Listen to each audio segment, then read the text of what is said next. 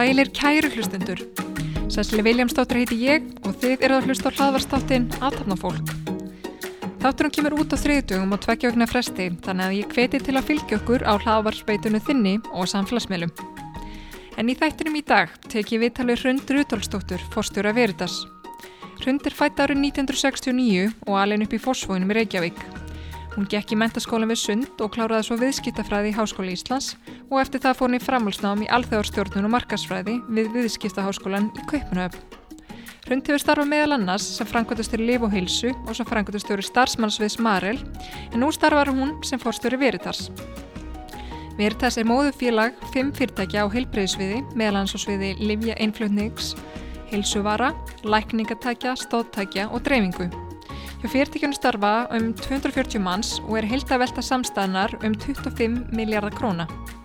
Hrund hefur setið hinnum ymsum stjórnum fyrirtækja, til dæmis eins og hjá fjármálufyrirtækjunum Stefni, Ymskipum og Veritas. Í dag fáum við að heyra sögur hundar.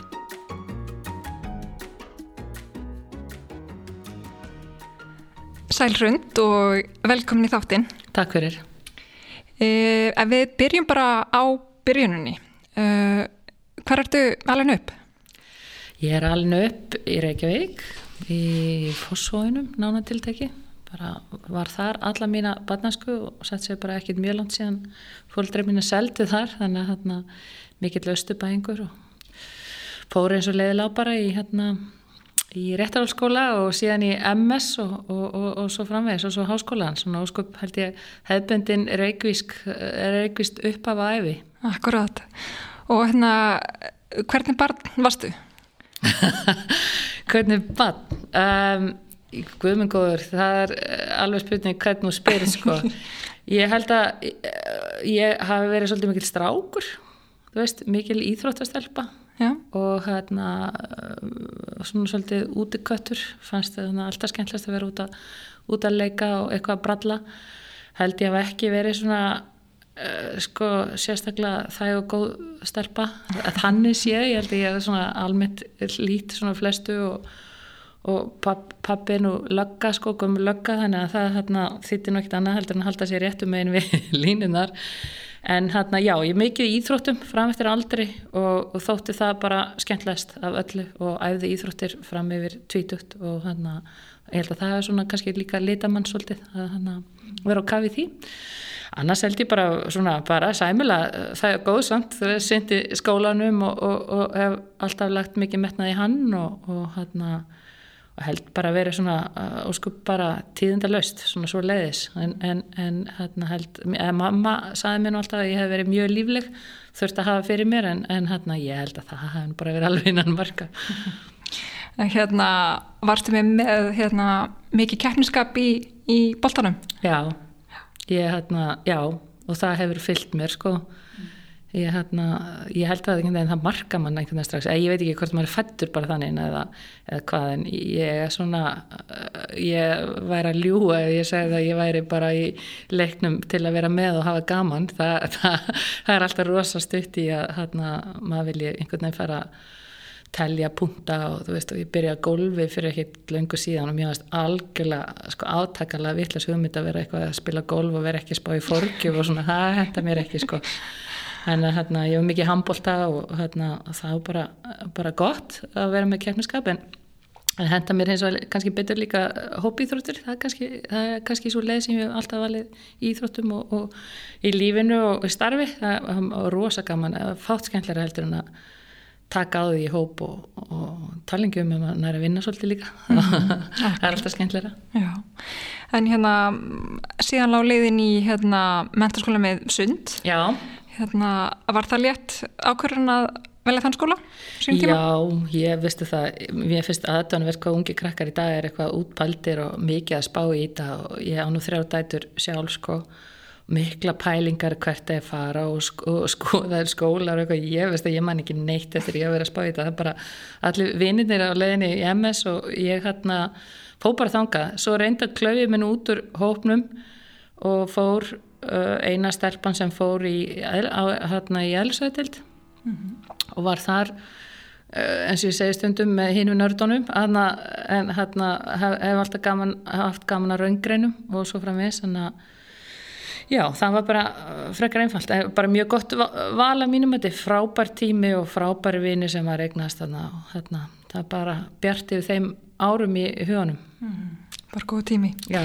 En hérna síðan uh, ferði viðskiptafræðina í Háskóli Íslands, hérna úr eðlisfræðinni. Já. Hérna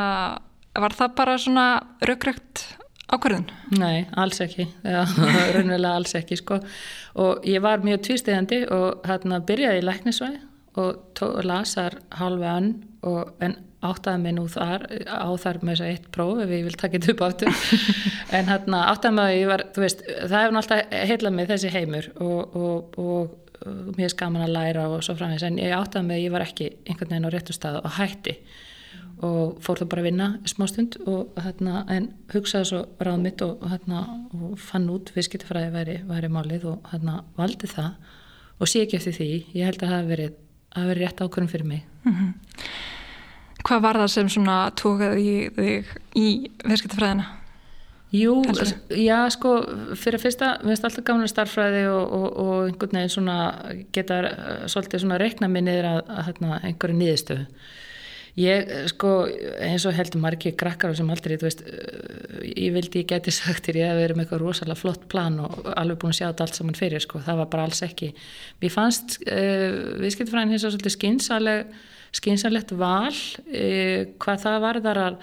að uh, það er óbærslega opið nám, það er að þú getur síðan þróað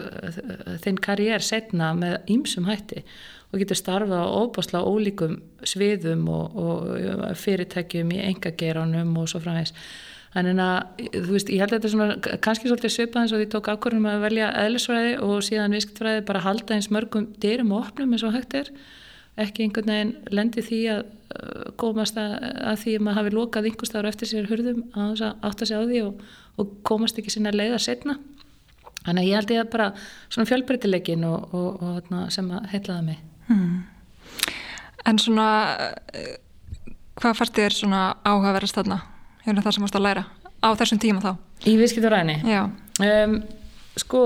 fann, ég var rosa fljóti einhvern veginn dóttinn inn á stjórnunasviðið og hérna uh, mér finnst óslulega gaman að bókaldi og fjármálum og svo framvegis en ég fann samt að einhvern veginn það var ekki það sem heitlaði mig, ég er svona meira kannski aðeins á hjúman hérna uh, skalanum.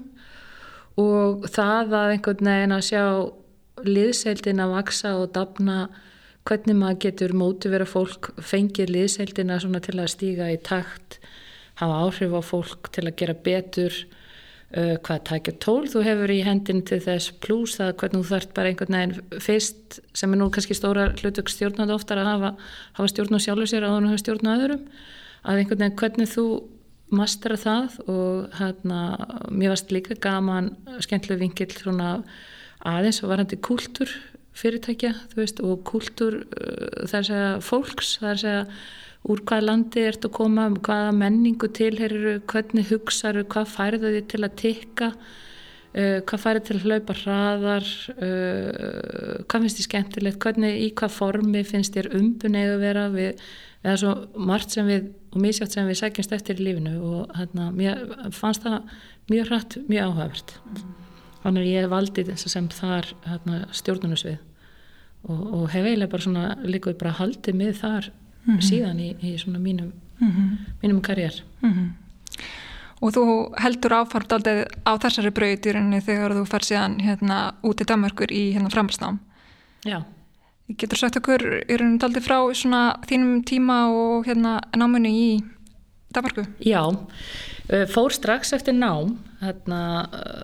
eftir í útskast bara hérna hálfa áru setna sem var frekar óvinnlegt þá og hérna það kom nú til út af því að, hérna, að maður minn var að fara í, í framhansnám líka í, í læknisvæði og, og, og, og það var svona komið tíma hann að drífa sig að stað sko. Þannig að það uppást þarna ákveðin fyrir að finna land sem hendaði okkur báðum og ég vildi fara í nám á ennsku og hann þurfti að finna framhalsnáfi sitt hæfi, hann er barnaskurlagnir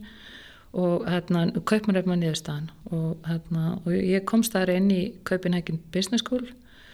og valdi International Marketing and Management. Og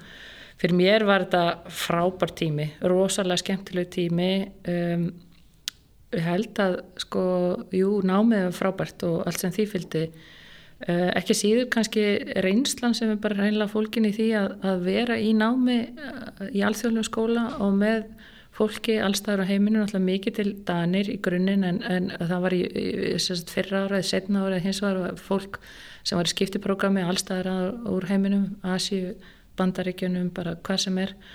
Og ég held kannski það hafi ekki uh, síður verið skóli sem og bara náttúrulega fóta sig í nýju samfélagi. Við vorum komið hérna eitt lítið badd þarna á þeim tíma og stopna fjölskyldu og allt sem því fylgir og, og bara búa í Danmark og við byggum þannig að endaðum með að búa hérna nær í sjö ár og sem ég held að, að móti mann tölvöld mikið, þú veist, maður fara hérna út um 25 ára aldurinn og er hérna í sjö ár. Þannig að maður kem, kom heim svona sem hálgjörur dani getur sagt og margt þar sem maður svona einhvern veginn tilengaði sér á þessum mótunar árum hefur fyllt manni alla tíð. Mm. til dæmis það að ég þarna tala alltaf með vikurnar með númurum sem trublar samstagsmenn mín að rosalega, veit engin að við sem í viku 35 eða 36 það er hann að þessi svona þessi góða og þekta skiplagshefni já Akkurat, skandinavana. Já. Já. En hérna,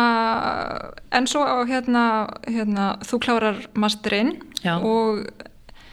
hvað fyrir að gera eftir það? Herðu, ég hérna uh, fer að vinna hjá dönsku fyrirtæki sem heitir DIS Congress Service og var að vinna líka hjá þeim hérna, með námi og hérna í sumanámi og svo með frá námi. Uh, þetta er stærsta ráðstöfnu uh, fyrirtæki Dana og hérna Danmörk og Kaupmannáttúrulega sér í lagi er alltaf reysa, reysa ráðstöfnu borg. Voru vinna þar sem bæði pródýttmæðinsir og svo fór hérna, fjármálstjórin hérna, í, í basegnafrí og var að leysa af og, og bara frábært tími og frábært takkifæri og síðan hérna fer ég að, að vinna fyrir Íslandst fyrirtæki sem hérna hétt þá, það, það rúlaði nú nokkrum árum setna netverk og sem þetta var þá hvað kringu 2000 eitthvað svo leys, hérna .com bólunni. Og Eh, þetta er mjög flott og skemmtlegt eh, fyrirtæki, þetta er svona, eh, svona ártöfum GSM dímabilsins og þeir voru með hérna, hugbúna sem er einlega sprottin upp úr svona satellite fjarskiptum íslenskra skipa. Það sem þeir voru búin að finna ákveðna aðferðfræði til að þjappa gögnum og senda yfir þráðlust net og, og sátu þarna á ákveðna löst sem var mjög flott og, og, og mjög svona framústefnilega á þeim tíma. Uh, sem að henda náttúrulega alveg geysilega vel inn í GSM síma og þarna var fyrst að vinna bara í ákvæmlu svona afmörkum verkefni fyrir það og síðan gekk þetta mjög vel. Tele Danmark kom inn bæði sem fjárfestir og líka fór að selja hérna hugbúnaðum þeirra inn í þeirra svona business svítu af, af lausnum. Og ég var prótittmannsir fyrir það og hérna, var þá hluta til bara inni á gabli hjá þeim og svo var ákveð að stopna hérna dóttufyrirtæki netverk og ég stopnaði það og rak, rak það í ár þanga til við svo við fluttum heim 2001 mm. já, setið bara ás Þannig ertu komin inn í tækni og hérna fjarskiptageran. Hérna, hvernig færst þið það? Átti það vel við þig? Já, mér, mér finnst þetta rosa skemmtlegt. Þetta er náttúrulega lifandi bransi og, og, og, og þarna gera slutinir og alltaf reyfing. Ég hef alltaf svolítið haft áhuga á, því, á þessum geira. Mm. Og genum ekki til stata að ég verði einhvað stórkostlegt uh, tölvutröll en, en svo er kannski líka í rekstri þá einhvern veginn hefur það loðað við mig. Ég hef verið með ábyrð á upplýsingteknumálum þar sem ég hef starfað. Og hérna mér finnst þetta mjög skemmtilegur heimur og, og, og, og hérna mér finnst þetta svo mikið, það er svo mikið reyfafl í þessu. Þú getur, þú getur knúið áfram svo mikla breytingar með hjálp tekninar þannig ég held að þetta sé bara fyrir stjórnendur alveg alfa og omega fylgast með hvað er að gerast. Mm -hmm. Hvernig fannst þér að vinna hérna með dananum svona hann í byrjun? Um sko þarna, það var bara svolítið challenge að ég var að segja allir svo er. Við, við okkur er svolítið tamt að halda Danis ég er bara næst í sko sískin okkar sko. En þau eru svolítið fjarir okkar á mörgu leiti í hugsanahætti og og, og, þarna, og, svo geta má náttúrulega alls ekki heldur horfa á Skandinavi, Korkisví eða Normen heldur sem slíka Um, kennamann er rosa margt, skipilagningu ma margir einhvern veginn stereotýpan af að dönum er að þeir séu svo sjúkla eitthvað lígi glað og kátir og gladir og, og bara líð, hérna, lífa fyrir líðandi stöð, það er alls ekki. Þeir eru jú svona kátir og gladir en það, þá eru þau búin að skipilegja það, það eigi að vera rosa gaman akkurat þarna. Mm. og maður læriði það mjög hrætt, beði ofta hlaupa á vegg og, og, hérna, og það rettast ekkit í Damersku, það, þú veist, maður þarf að leggja það svolítið til líðar þá hugsun og, hérna, og, og tilinga sér bara önnu vinnbröð sem reyndar held ég ég held svona kannski eins og, eins og oft blanda þessu íslenska frumkvöðlega eðli og, og vertiða stemmingu og, og taka til hendina fullum krafti versus danska danska hugsun og skipulæð og hérna það er bara svona blanda þessu báðir kannski svolítið góð sko mm -hmm. geta mastera bæði mm -hmm. þegar þarf En þarna þegar þú varst að vinna hjá hérna netverk, varstu svona, varstu mikið að spá í ykkur svona strategískum hérna næstu skrefum með þinn feril? Eins og þú segðir áðan að það hafi kannski svona í byrjun ekki mikið verið að spá í þetta en varstu eitthvað svona að byrja að leiða hugan að í framtíðinni svona og, og eitthvað svoleiðis eða Já, ég veist að ég get ekki starta því heldur á, á þessum tímpunkti. Nei, það sem var líka á þessum tíma, við vorum sko uh, maður minn með svona uh, segja, mjög sérstaka mentun og við þegar við flytjum út þarna, við byggumst ekkit endla við því að bara komast nokkuð tíma heim aftur. Uh, hann er barnaskólagnir uh, það eru þrjárstöður barnaskólagna á Íslandi mjög lítil sérgrein. Og hérna við sem vorum alveg undir það búin að við undum bara verða restina af æfinni úti Þannig að þú veist það að vera eitthvað rosa útbælt að ég ætla að koma heim og fara svona hér og þar, þú veist, maður gæti ekki eins og gert þau plön og maður vissi ekki hvori meginn var, mað, maður er því og mér svo tímabili hérna akkur þegar maður útskræðast þá hérna voru við, þegar ég var útskræðast og, og voru við jafnvel að, að velta því fyrir okkur og að það er að svona algast að hann var að klára hérna sérfræðin á með að taka jafnvel ár í Sátiarbi, hend okkur þanga geggjar te tekjur náttúrulega, tekjumöguleikar og það er það sem lokkaði sko. Mm. en þegar ég fór nú að kynna mér sko aðstæðu hvenna og, og hvað, hvað möguleika ég ætti sem voru aðla bara í því að tana og, og, og vera einhver staðar inn í einhverju lokuður rými eða hérna, hverfi veist, hérna, fyrir útlendinga þá hætti mér nú að lítast á blíkuna og hérna, mér var svona mínu tíma kannski betur var annars þar þannig að við fjallum nú frá þessu Þannig að nei, ég var ekki með eitthvað sjúkla strategist plan á þessum tímpunkti, það er svona, það kemur bara miklu, miklu setna getur við satt og ég held líka, þú veist, þú getur gert fullt af plönum og þetta kannski átt að vera með eitthvað plan upp á það hvernig þú ætlar að menta þig og, og svona hvaða línu þú ætlar að taka í lífunu en þú veist, hvernig nákvæmlega þú ætlar að byggja upp karriærinni þinn á þegar maður er svona ungur, þú veist, það býður bara på vonbrið út af því að uh, mjög líklega myndi ekki ná því og því getur meira sér líka yfirsést fullt af tækifærum sem þú bara horfur ekki á og vegur og metur út af því að þú ert með hugan einhverstra anstæðar. Ég held að það sé bara mjög gætt á þessu tímbili að vera bara svolítið open mandate og, mm -hmm. og tilbúin til að, að hlusta það sem aðri segja líka og hérna þau tækifæri sem gefast. Akkurat. Uh, en þeir takkið ákvörnum að hérna, flytja síðan til Íslands eftir sjö ári í, í Danmarku. Já. Hvað kom eða til? Jú, það var svona aðeins, við vorum komin að svona ákvæmum krosskotum, þú vorum komið hérna tvei börn hérna og það var svona aðeins var að toga í mann fjölskyldan og maður fann það, við vorum að fara að skjóta rótum og, og ég held að við hefum ekki eiginlega sko, þurft að vera mjög mörg ári viðbútið að langa tíma til að verða bara danir og vera bara þarna um aldur æfið og þú veist, það er alveg erfitt að flytja tilbaka þó maður sé að fara í okkar rætur en en upp á krakkan að gera sko, það, þarna, þetta var svona ákveðin tímpunktur og svo gafst líka tækifæri fyrir manni minn sem að þarna ákveðin opnun. Og við stóðum bara fram fyrir því að það var annarkort þarna þessi glöggi eða næsti glöggi myndi kannski opnast eftir 10-15 ár. Þannig þetta var bara svona rökku eða stökka ákvörun mm. og þarna, hann svo skrítum okkur íslendingana að við einhvern veginn snúum tilbaka oftast jafnvel þó eins og í okkar tilveikið, þú veist, fjárhastlega er þetta eh, sennilega heimskolegast ákvörðum sem nokkuð tíma tekið á æfinni upp á svona tekið möguleika og svo framvegs maður fara inn í miklu minna svæði og, og möguleikana fyrir okkur bæði út frá okkar mentun og svo framvegs takmarkaðri að sjálfsögðu. En hérna sjáum ekki því. Það, veist, það er ekki alltaf, er alltaf peninga sem hérna eiga að stýra stóra ákvörðun lífinu, það er eitthvað allt annað. Mm, akkurat. Og hérna, hvað færði það að gera þegar þið komið til Íslands? Heyrðu, ég fór nú bara að mála húsið sem við höfum keift og, og bara kom, hérna, kom okkur fyrir og, og svo framvegs en þetta gerist nú allt bara mjög hrætt maður minn var búin að ráða sig áður en við, hérna, áður en við fluttum heim og vorum búin að kaupa hús og, og hérna lofa börnun kött og hann var sóttur á fyrsta degi og eitthvað svona, maður fór bara fyllt í það. En svo bara gerðist það, það var nú reyndar eins og svo ofti í, í lífinu einhvern veginn tilvíðan er þannig að að það var uh, svona headhunter uh, hérna, sem var uh, á ferð úti í Danmark á þeim tíma, það var hérna, skortur á fólki ákveðin tímbili árið tveimur áður en, áður en ég kom heim og sem tók viðtöl við útskriftanema og hérna, þannig ég komst á blað hjá viðkomandi og, og let svo vita þegar ég var að koma heim og það tóst nú það vel að ég heldur við um lent á þriði degi, fóru viðtöl á föstdegi og, og, og var byrjuð á mánudegi. Og þá það var einsast inn í líf og heilsu og hérna, þá var verið að leita rekstrastjóra þá, þar og hérna, ég verð nú hjátt að ég vissi nú ekki alveg mikið um hérna,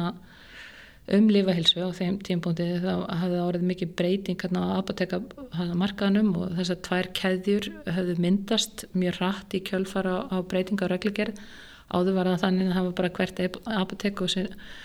sem var yfirleitt í eigu viðkomandi apotekara og svo var uh, veitt heimild fyrir að fara reyka þetta í keðju og þá, þá var óbáslega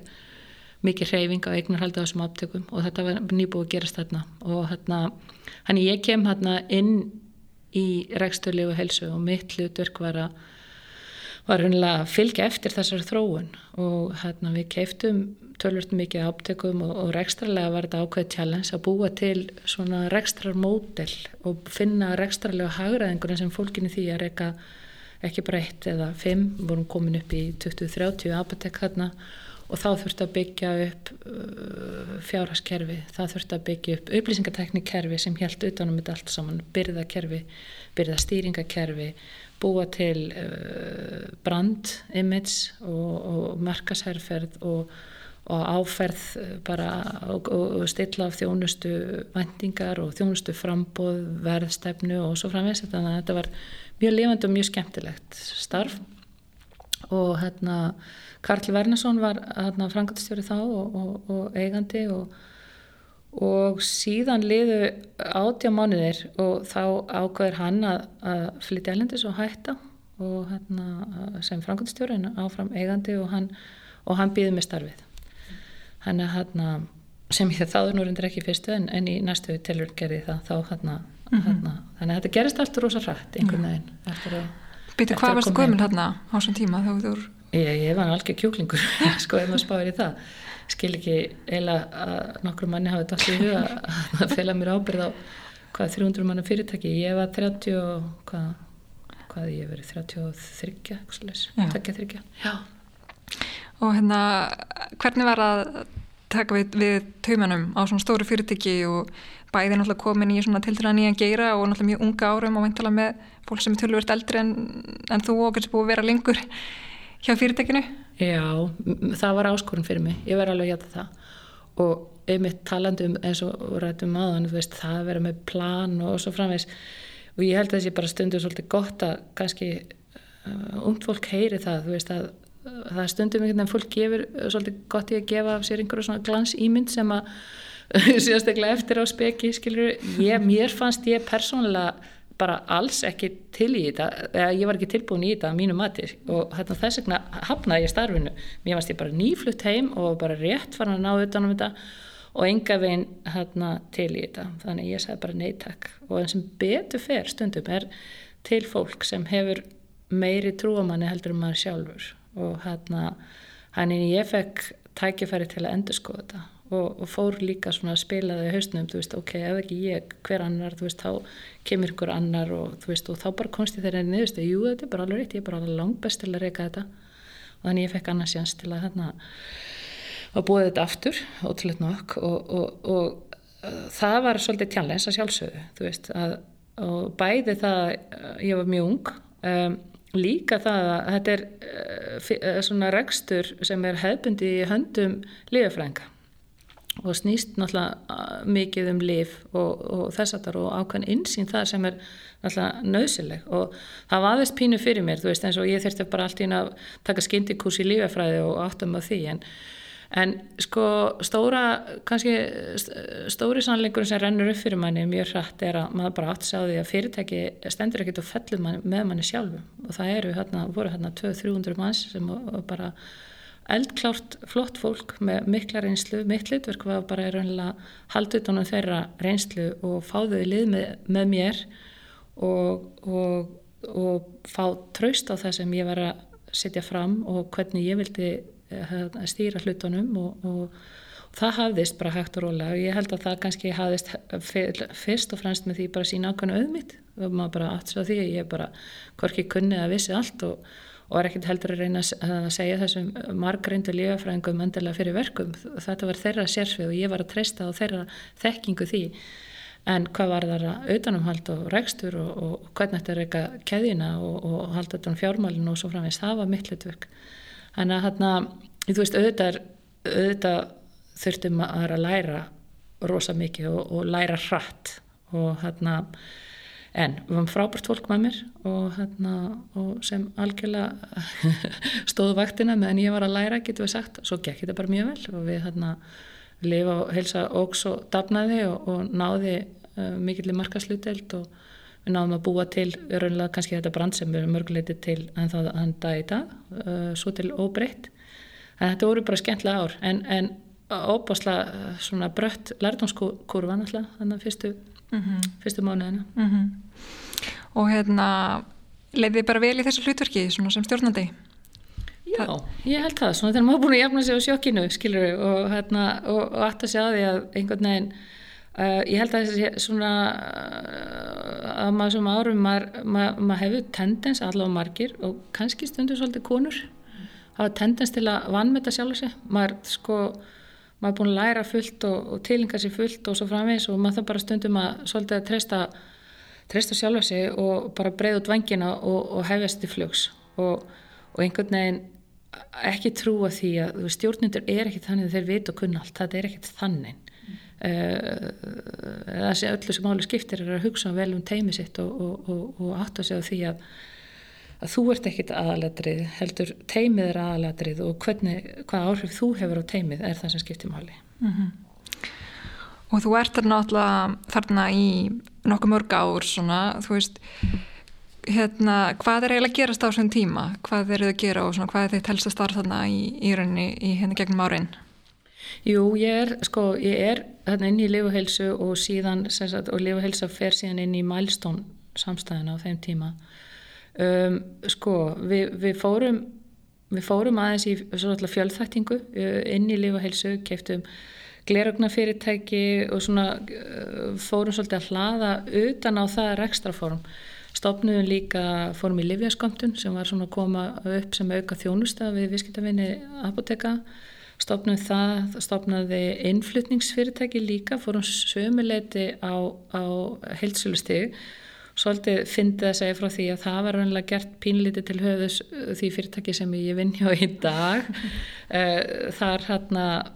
þar var uh, um að ræða að, að þarna lifahelsa var hún stór og mikill viðskiptavinnur og, og, og, og livjaverð þá út í heimi var lægra heldur en á Íslandi. Það var ákveð munur hérna inni sem ég fannst ekki skila sér nógu vel til mín í formi afslátt eða eitthvað slíkt. Eh, þannig að hérna, ég fó bara í að sækja það sjálf og, hérna, og stopna það. Þannig við vorum svona í íms og á þeim tíma. Eh, þessu var nú reynda breytt með lífjaverði og er í dag algjörlega á pari við Skandinavíu. En síðan, það sem gerir síðan er að Við vorum búin að, það var svona, apotekarmarkanum var hún svolítið, maður sagði, þroskaður, vastamöguleikn er ekkit mjög miklir og þá fórum við að, að leggja niður fyrir okkur, ok, hvernig getum við, hvernig getum við náð vexti og hvernig getum við nýtt þessa reynslu sem við höfum. Og það var farið í ákveðna stefnumótun, þarna þá undir þá mælstón hattinum. Og það var ákveð að uh, horfa út fyrir landsteinina eins og var svolítið velkengt þessum árum. Svolítið lenskan. Já, svolítið lenskan að, að, að fara í útrás. Um, Það sem við uh, kunnum var að búa til þetta rekstra mótel á apotekum og þekktum hann að marka, þekktum livjaheimin og þessi lögmál í smásölu, í alls er þetta sko, smásölumarkað fyrst og fremst sem að bara sérhæfð útgafa á honum. Uh, og þá var akkurat að gerast þessar reglugjörabreitingar sem er grundvallar fórsenda fyrir að þú getur rekið apotek með þessum hætti. Og það var að gerast í Östurörbu þannig að hérna hann var ákveða að hasla sér völl þar. Og það var uh, raunlega mjög einföld niðurstaða stefnumótun að uh, samstæðan vildi eiga innan, ég man ekki hvað við gáum okkur þrjú ár sennilega, tvöðu þrjú ár 200 aptek í fimm löndum og þarna, þannig að þá bara fór ég bara og var í ferðartösku í nokkur ára og, og, og gerði það. Og hérna það endaði með að við hérna náðum þessu markmiði með brafur og, og gott betur. Og vorum þá með starfsemi um, Krótíu og Rúmeníu Ungurlandi, Serbíu. Og hérna og uh, voru hérna tværa þrjár heilsulu líka og, og tölvörta fastegnum og svo framvegs mm. þannig þann, þá var maður eiginlega að gera svolítið svona copy-paste af þessu viðskiptamódili og þessu lönd. Uh, þau er náttúrulega öll uh, með sína sérstöðu og sitt umhverfi og, og svo framvegs en rauðþráðurinn í þessu öllu saman var að ná þessu ekstra hérna, hagraði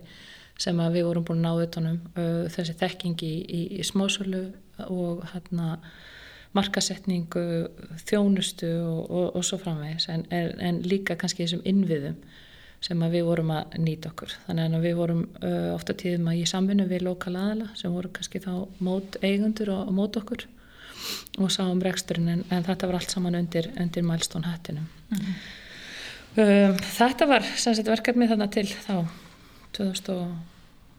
eitthvað svo leys, já mm -hmm. og þá var allt á fullu svingi og þá alltaf ég aðdraðanda þessu skemmtilega bankarhunni sem síðan var mm. uh, ég fer síðan hérna í Barsegnafrí 2007 að hérna að,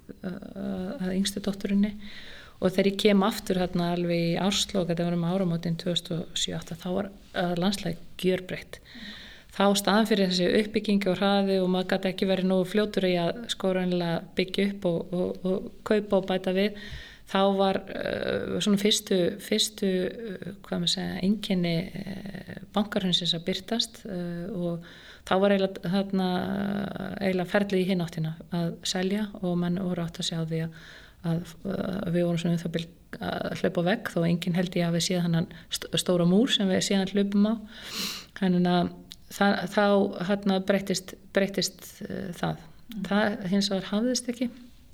en fer svo ég hann áfram inn í mælstón og, og hérna um, var þar held ég uh, endanum, ég veit ekki alveg nákvæmlega hvernig þess að eignir fóru á, á endanum en ég held að þar fóru síðan inn í þrótabú mælstón á, á sínum tíma þegar þar fór þegar það fór niður mm -hmm. En hérna Hvernig var það að, að hérna, vera í visskiptum í Östur og Öfrubói á þessum tíma? Það var áhugavert mjög um, sérstaklega hérna inni eins og inn í Króti og Serbíu. Það, það var hérna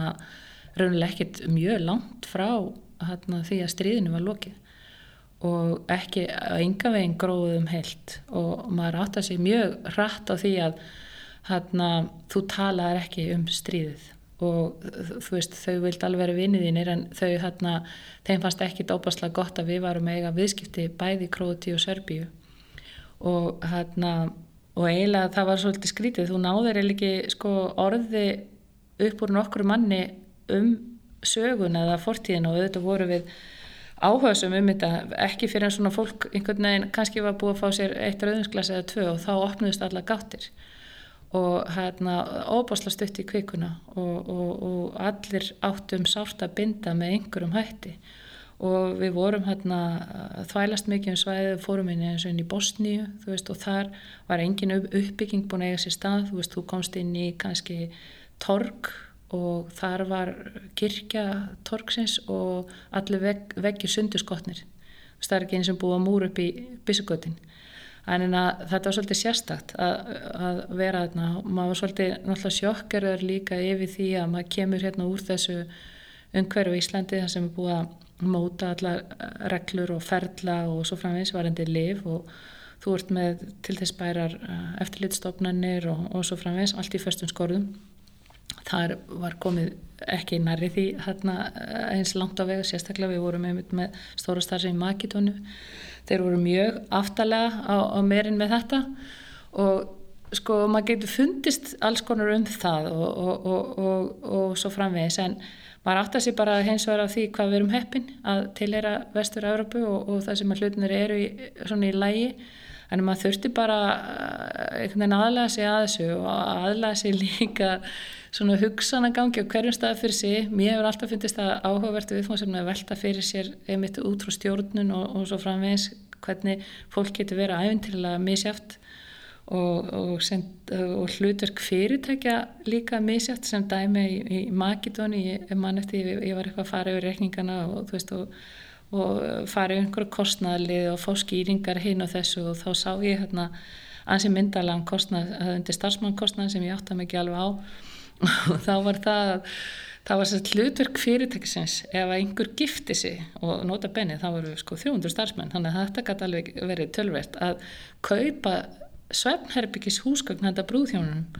Og, og það var bara sko trésmiðjan bara í fulli djópi við þetta. Mm. og þetta var allt saman bara áliti mjög eðlilegur hluti að rekstrakostnaði fyrirtækisins.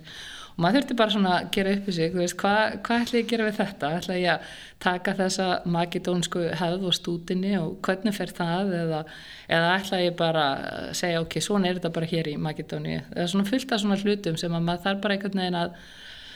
Já, átt að segja á að það sem þú uh, það sem þú ert nestað með að heiman á ekkit alltaf við. Mm -hmm. og það er bara stundum að hugsa hlutin að rjósi mm -hmm. Og hérna, hvernig endaði þetta með þessi matikó með þessi húsgögn? Já, ég hérna ákvaða að setja ekki hérna nývin á þetta. Og hérna, mér fannst þetta pínu krútalegt og skemmtilegt. Og hérna og ég held að það svona eftir að sé að það bara verið góð ákvörðun út af því að þá menn áttu segja ok, þú veist, hún er hérna komið til að vinna með okkur, ekki, ekki mót okkur og svo framvegs þurftum bara að kingja þessum kostnaði í mm. einhver tíma, en það var af svona merkilegum, mannlegum uppákomum hérna og hérna þetta var mjög spes tími og, og hérna maður upplýði sig svona óbáslega heppin að búa á Íslandi. Og stundum ekkit alveg 100% safe hérna, aðstæður heldur og hérna en, en mjög áhugaður tímar, mjög svo mm -hmm. En eins og þetta mótil sem hafði hefna svona hérna, vil hérna heima og þeir verið að gera kannski á, hérna, á sömu formólu úti í raun uh, var það að takast? Þegar maður náttúrulega fara inn á eins og þú nefndir aðan kannski marga markað sem eru samt í raun líka hérna misefnir? Já, ég held að sko grunnmóduli virka, já, en sko við, við rákum okkur alveg sko ekki láta við dreymum að þú getur gert alveg copy-paste blind. Þú verður alltaf að taka inn í uh, svona lokal aðlaðanir að, að, að, að hlutunum. Bæðir sérsagt bara laga umhverju og reglgerð umhverjuð og, og svo framvegis og, og, og mismyndi en svo bara hefðir og smekkur fólks og svo framvegis bara, þú veist eins og þú sér í dag, þú veist úr, úrval spátn versus hér veist, þetta er ekki það sama og hérna, þú þarf bara að skilja það og hérna, ekki eh, tróða þínum eigin fórsendum inn. En hins og hvernig, svona, hvernig hlutir virka þú veist eins og hvernig tölvukerfi að vera uppbyggt, hvernig gott að byggja upp uh, hérna, hérna, fjármál, fjármálinu kringum þetta og svo framvegs hvernig þú reiknar og mælir framleið per hillumetra það er bara rosalega gaglega tól í retail yfir höfuð, þannig það er svona grunn tól og tæki sem, að, sem við gátum innlegt og sem var mjög hjálplegt. En það stoppar á okkur tímpunktum og það þarf að vita að finna þann punkt. Mm -hmm. En hérna þú varst komin inn á þarna áðan að, að í rauninni þarna er þið hérna byrjað að nálgast þetta merka ár hrun árið góða 2008 og hérna hvað var að gerast þarna undir lókin eh, eins og þú veist bara bæði náttúrulega hjá ykkur og náttúrulega bara í samingi við hvað var að í rauninni gerast í Íslandi Já Þarna, ég kem hann tilbaka, var byrjun ást 2008 og þá voru bara, komið svo sjút og segjum enginin komin og, og hérna í ljós. Þannig að það var reynd eins og hægt var að, að vinda ofinu því. Um, ég held að bara samt engan óraðeila fyrir í hvers glas stormi við vorum. Og ég maður, þú veist eins og jábel þó að þú fóst ansið langt inn í atvinnlífið, ég var þá sem dæmi í, í frangulastjótt samtaka atvinnlífsins og það mjög minnistæðar fundur um þetta sem við áttum hérna bara hérna um haustið í hérna með uh, lífeyrisjónum og, og hérna fórsvarsmönnum uh, eh, launþegarreifingarnar og svo margt sem var rætt um þessum fundi sem maður bara átt að segja á því að við vissum ekki neitt í hverju, þú veist, hvað var fyrir framann okkur. Og menn voru átt, að velta því fyrir sér þá. Það hefði nú komið fram í fréttum og svo framvegs að einhvern veginn eins og það var hægt að slökka þennan eld með því að þá ætlaði tölvursta eignum sem að ellendis sem að hérna lífyrsjóðunir og fleiri áttu að, að það var verið að velta því fyrir sér þá að selja ákvæmni eignir og dempa inn þeim fjármunum til að reyna einhvern veginn að stemma stígu við þessu stoppa einhvern veginn það hrun sem menn sáu. Það hefði náttúrulega verið algjört glabræði séð núna í baksínspeklinum og svo framvegist. Þannig að ég held bara að á þeim tíma vorum við bara komin á einhverju bara bara eða þau storm. Það kannski eh, gerðist ekkit mjög mikið þarna fyrstu mánuðin en, en þetta var allt saman komið að stað og við það var ekki dráðið en hvað þetta síðan stoppa og hvort, hvort það hefði mátt uh, bjarga einhverju alveg örugla hugsa ég og kannski sérstaklega við hérna svona úrvinnslun að setna mér að, að, að, að það sem að lærða þessu er að sko lífi jafna sér alltaf og þú næru aftur balans og ég held í mörgum tilvikum hafi menn uh, handlað hlutinu og hratt þar sé að stann fyrir bara að sitja og býða og gríðala eignir sem að þessi félag áttu ellendis og svo framins sem að ég held að við höfum betur sitið á svolítið og látið hlutirna ganga yfir og, hana, og það er alltaf að vera vitur eftir á mm -hmm. en, en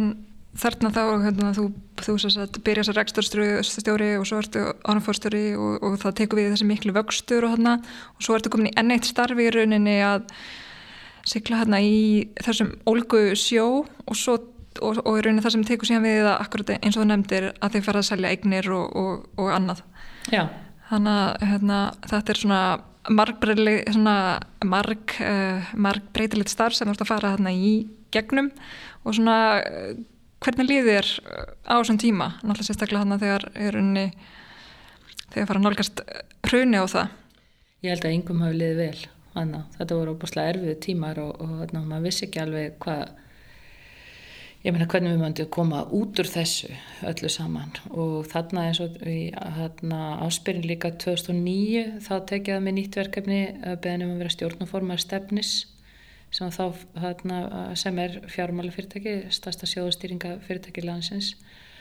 Og þar stegi inn í ég hef náttúrulega verið í stjórnlífur sem Sveslunumann áður og sem að reynda að komi þá nálagt uh, að sitja stjórn eftirlitskildra fyrirtækja. En ekki starfa það inn í bankagerðan per se. Og, og þarna stígum maður inn í algjöra kás Uh, segja, veist, það var, uh, var nýjur stjórn það var nýjur frangotastjóri það þurfti að hanna nýja ferla og eiginlega hugsa svolítið business modelið upp á nýtt. Um,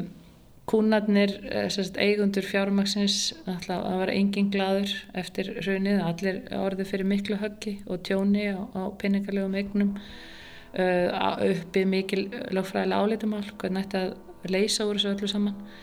Þannig að þetta var bara, þú veist, svona, ég veist svona í minningunum svolítið þessi tími kannski uh, sumleiti bara svona uh, í þóku sko og einhvern veginn svona í dag svolítið órunhæfur, einhvern veginn maður hugsa bara, þú veist, hvernig bara í, í hverslas verkefnum maður var, þetta var svona krísa ástand líka bara í ansi marga mánuði. En hérna einhvern veginn hafðist það, samt samaður, allt saman og og sem betur fer held ég að, og ég held í heldina að hérna, Íslandingum hafa nú lánast ótrúlega að greiða úr þessu öllu saman uh, uh, nokkuð, nokkuð vel, ég held að við getum verið bara nokkuð stolt af því og, og hvað var eins og fjármálfyrirtæki og, og þessa, þessi tími þannig inn í stefni það var áslega gaman að vera með í því að sjá mótun á, á nýju eh, ég myndi segja bara nýtt fjármálkerfi við erum í dag í allt, allt öðru umhverfi bæði reglugerð reglugerðamál, lagaumhverfi Uh, við erum bara líka pínu vitrari held ég, held ég vorum. Ég held að við verið óttalega kálvar óbásla stutt saga, fjármála saga inn í Íslandi og, og, og kannski partur að því að þetta fór eins og fór með þessum hætti er að þetta voru ekki uh, það voru svona, það var svo lítið viðnám í kerfinu sem er sem er, sem kemur í kjölfar að langri sögu, hefðum og ferlum og þess aftar sem við vorum ekki alveg búin að ná að byggja upp. En gaman að sjá það og það, það lánaðist allt saman vel. Og, og svo að þessum tíma líka uh, það var ljóst að hérna, það var á reyndar uh, mælstónu þeim tíma var að berjast en þá og, og var hérna var svona ups and downs í því. En þá uh, klukkaðan meðan Hörður Arnason sem var þá fástjóri Marel og þá í, hérna, það var ég upp á ást 2009 og kemur hérna með þessu hugmynd þá var hérna Marel að kaupa Stork sem var hollenskt fyrirtæki eða hluti af Stork sem er nú reysastort fyrirtæki í dag en, en þeir voru að kaupa þann hluta sem snýra þeim og samin að þessi tvö reysa fyrirtæki og eiginlega var Stork starra heldur en Marel, þetta var ekki smá biti og það var ljóst að það var uh, mikil saminning framöndan uh, sem myndi snerta innviðina alltaf hressilega og hann sem sagt byggði mig um að, taka við sem frangotastjóri uh, mannus og starfstrónamála og, og hluta því var líka að taka þátt í þessum sambruna og, og það þurfti að byggja raunlega taka, taka starfseminn út um allan heim sérstaklega sölukerfið. Meira og minna söluskristóri í öllum löndum uh, þeirra átjú landunum stundum bara hreinlega hlið við hlið og þurfti að finna leið til að ná samlið út úr þessu. Mér fannst það svolítið fjárstæðkjent hugmynd hjá hann til að byrja með sá mig ekki alveg fyrir mér í mannesmálunum en hann náði nú að samfara mig um það að þetta snýrst ekki beint um mannesmál auðvitað jú, mitt heimi voru mannusstjórar og, og, og mannusdeildir út um allan heim. Það var 70 manna teimi í, í þessum þrjátulöndum en, en það snýrst meira um samruna og, og samræmingu og þess að það þannig að hérna um, þá fannst mér þetta bara góð hugmynd og hérna, slóst í lið með barel mm -hmm. og var þar í fimm ár. Mm -hmm. frábæra ár. Og hérna hvernig var að uh, taka þetta stökk yfir í hérna mannursmálin og, og svona breytingarstjórnun kannski eftir þessa saminningu Það var, það var alveg svolítið nýtt og líka það, ég hafði þeim tímpundi aldrei verið í svona stóru alþjóðlu fyrirtæki. Og það er alveg nýr, nýr vettfangur miklu ferðlar þú veist ég hef alltaf verið til til að svona léttleikandi uh, fyrirtæki sem að gat, uh, þú veist tekið alveg uppeyja punktinum og svo framvegs þú gerir það ekki inn í stóra alþjóðlegu fyrirtæki eins og, eins og Marel. Uh, það, það, þannig að það var lærdomur sem að ég þurfti að, þurfti að afla mér. Það líka svolítið öðruvísi ég held að allir upplifa það sem stýra uh, svona supportfunksjónum þú veist eins og inn í svona reysastórum uh, fyrirtækjum eins og Maril þú þart að, þú þart að uh, ná fram breytingum og til að geta sinnstarfunniðinu þvert á fyrirtækið. Og fyrirtæki getur verið, verið samsett af, af mörgum sílóum í mörgum löndum. Og þú hefur ekki beint boðvald í, í, í því tilvikið. Þú þart að fá uh, til þig uh, yfirstjórn í hverju landi fyrir sig sem þarf svona svolítið að kaupa það sem þú ert að segja og, og, og út af hverju það þurfa að samra með þetta hérna, glóbalt og, og svo framvegis. Þannig að er, þarna, þarna þurftir svolítið að spila uh, pólitík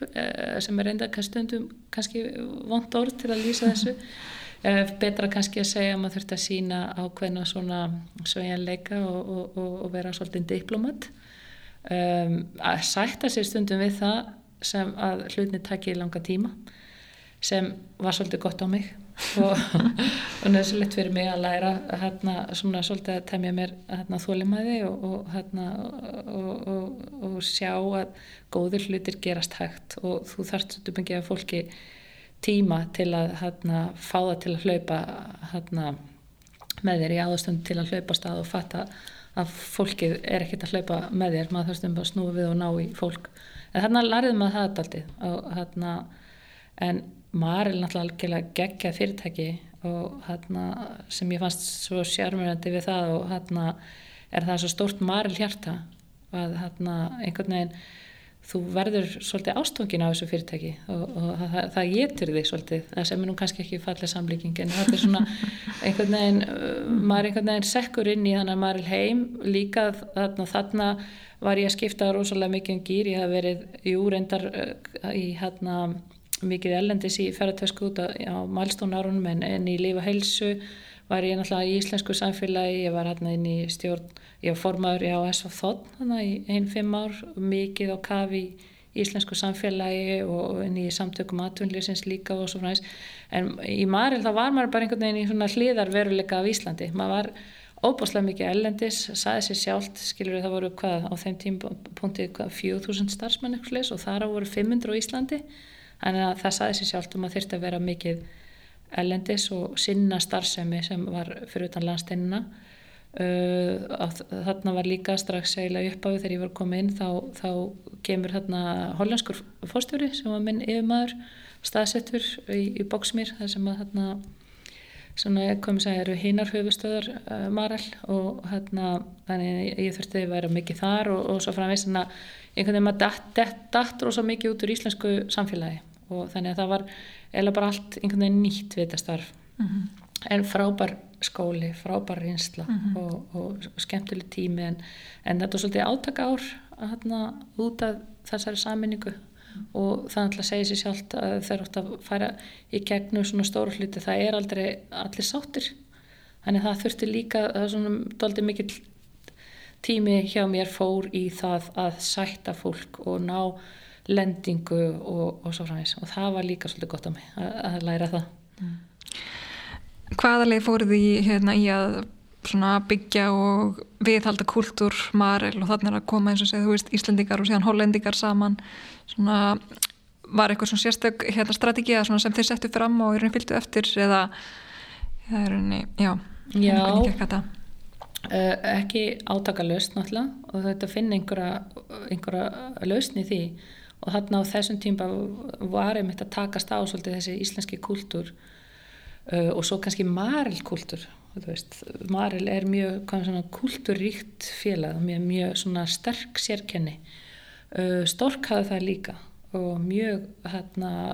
svona ákveðna aðferðfræði við hlutina og sem mattsaði ekkit alveg endilega mjög vel og hérna það var farið ákveðin bara og svo náttúrulega inn í fléttast þetta líka. Sortur með hérna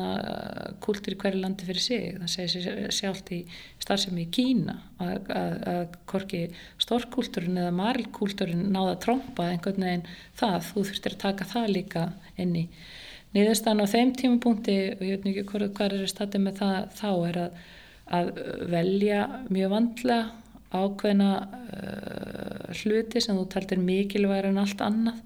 og segja ok, hér ætlum við að svona centralisera, hér er þetta bara svona og það er ekkit val en hafa nægilegt rými fyrir utan það þar sem að mann gáttu þá byggt upp sinn lokal kultúr í kringum en, en hérna taka svona megin línutnar og, og samræma þar en ganga ekkit mjög langt í því. Ég held að það hefði bara verið skynsalegt að, hana, til að, til að hana, það verður ekki setur ekki allt á annan endan mm -hmm. En hérna hvernig leiðir svo veist, í, þessum mannusmálum eins og þú sagði svona í hérna byrjun að þú hefur alltaf svona hillast að þessu mannlega í rauninni þeim parti af hérna kannski viðskiptfræðin og svoleiðis átti þetta vel við þig? Já, þetta átti vel við mig ég hérna mann alltaf þegar maður, hvað maður segja, á framkvæmtastjóra level þá, þá verður nú samt að viðkynna það, maður var ekki kannski svona alveg djúft ón í mannusmálunum, maður, maður var meira einhvern veginn í svona að ná utanum hlutina og yfirsýn og samræma vinnu annara og svo framvegs en já, þetta átti, átti vel við mig. Mér finnst mjög áhugavert að sjá svona einhvern veginn hvernig þetta mannlega byrtist í alls konar myndum. Eins og mjög eftirmilegt verkefni var þegar þarna við vorum að samræma eh, svona bónus eða kvatakerfi fyrir hérna alla samstæðina og hvernig uh, þú veist svona einhvern veginn byrja, til að byrja með held maður einhvern veginn að það var hægt að finna eitthvað, eitthvað fínt kerfi sem bara henda svona auðvöldbíl fyrir alla. Það var bara alls ekki. Uh, þú veist, maður fyrsta lagi sáum að hvað fólk er mísjátt, þú veist, þeir sem voru sölu og markasmálum gengu, tikkuðu mjög mikið fyrir kvatakerfi meðan fólk sem var til dæmis inn í R&D bara alls ekki. Þar að vinna kannski í sko, verkefnu sem kannski bera ávörst eða ekki eftir tíu ár og fara að binda einhver kvatakerfi það bara út á píst sko og það bara hafði engan áhuga á því, það vildi bara fá launi sín. En til að mótivera og búa til gott starfsumkvöru og svo fræðist það var miklu betra fjárfesta bara í flottustu græðinu sem gast fundið. Veist, flotta tölfur, skjáur með gegja upplaust og, og svo fræðist og þá fegstu brós aftur á nakka mm en svo gastum við með sölu og markasmann skilur við sem að hreðis ekki nema að hann var alveg með á hreinu að hann fengi einhvern sjálfur eigin kvata og þarna sástu líka mjög skýran mun á evróskum kúltúr og, og amerískum veist, eh, sem ef þú horfur á kvata sem, sem hlutfall af, af heldarlaunum, þú veist hvað því fannst eðlilegt í því. Og þarna ganga Amerikanir miklu miklu lengra heldur en við nokkuð tíman sko. Og svo aftur innan Evrópu, Skandinavi versus Önnland sko, en þarna enn og aftur komst maður allrækilega þeirri niðurstöð að það er ekki til eitthvað svona stjórnum svona one size fits all. Það er ekki þannig. Þú getur, þú getur verið með einhver tól og tæki sem svona hjálpa þér og, og búa til grunninn fyrir þig. En veist, eins og varandi stundum með spurtum stjórnunastíl og, og svo framvegs hef enga trúið á því að þú getur tilengað einhverju einn stjórnunastíl sem gengur bara við allar aðstæður og, svona er þetta bara. Vist, þú verður alltaf að taka með að því hverju ert að stjórna og hverju ert að ná fram og ert að eiga við ungan einstakling sem er að taka sín fyrstu skref eða ert að, reyna, ert að, ert að stjórna þraut reyndu stjórnanda sem er kannski búin að vera lengur heldur en þú. Ert að eiga við háskólamentaða mannesku eða mannesku sem, sem er ekki með mikla mentun amerísk, evrósk og svo framvegist þú veist þannig að ég hérna þú veist, mér finnst það mjög útabýst að, að tala um eina típa á stjórnumstíl þetta er svona svipað eins og segja að við smið skilur eina verkværiði sem hann hérna er með töskunni sinni bara hamar og, og, og svo ættu bara að nota hamar við öll mögulega tækifæri. Það ég er ekki við sem að það myndi ganga mjög vel. Mm -hmm. Þannig að þá spyr ég ekki út í hver er þinn stjórnaldastíl? Nei, ég held því sem búin að svara því. Akkurat, en svona þú veist, hverjir eru svona þínir eru þinn styrkleikar og eða þú veist, hérna, eru þinn sem stjórnandi hérna myndur þú segja? Mm, Já. Ég hérna Já, það er rosa Já, það er rosa Það er auðvitað að vera svona Já, ég hérna ég vona það að mínu undimenn myndu segja það sé gaman að vinna með mér. Við þetta er rosalega leðilegt ef einhver myndi segja ég væri einhver, einhver leðendabúki sko. já, sko mér finnst það að ég verði gaman að vinna og, og það má alveg hafa, hafa fjör og það má hlæja að um það byrj öllu. Og hérna og ef maður tapar gleðinni, þú veist, í vinninni þar sem maður eigðir tíu tíma hverjum deg, veist, þá, þá er nú til lítið sparist Um, ég var akkurat búin að heyra þetta um þig sko. það var eitthvað hérna, eirun, það var bentaði bara já, tala hann um hund, hún er svo skemmtil og res Já, vá, hvað ég gleði að heyra þetta já. já, nei, það má ekki vera svo les en ég hérna, held að ég sé markmist drifin, þú veist ég, en mér finnst ekki endilega gaman að andón í hálsmálega fólki ef, ef að ég finna fólk skilur viðfánsefni og það hefur sama viðhorf og gildi eins og ég og, og, og ég finna það er hæft og svo framvegs þá, þá er það bara nóg fyrir mig að, að, að, að útskýra málið og, og fyrir mér er við þóru gildi það sem er öllu máli skiptir. Þá getur þú nokkur neginn treyst í að mannskinn taki réttar ákvörðanir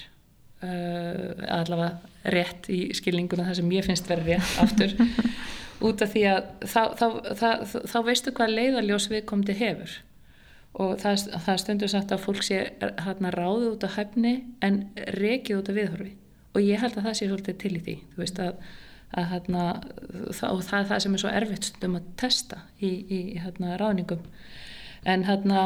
jú ég hérna, en ég vil sjá árangur ég vil sjá reyfingur hlutunum uh, ég vil sjá rétt viðhor til hlutana við vil sjá að fólk hugsa þetta þannig að glasi sé alltaf meira og minna allavega hálf fullt eða fullt ekki hálf tómt, veist, sérstaklega sem er stjórnendur,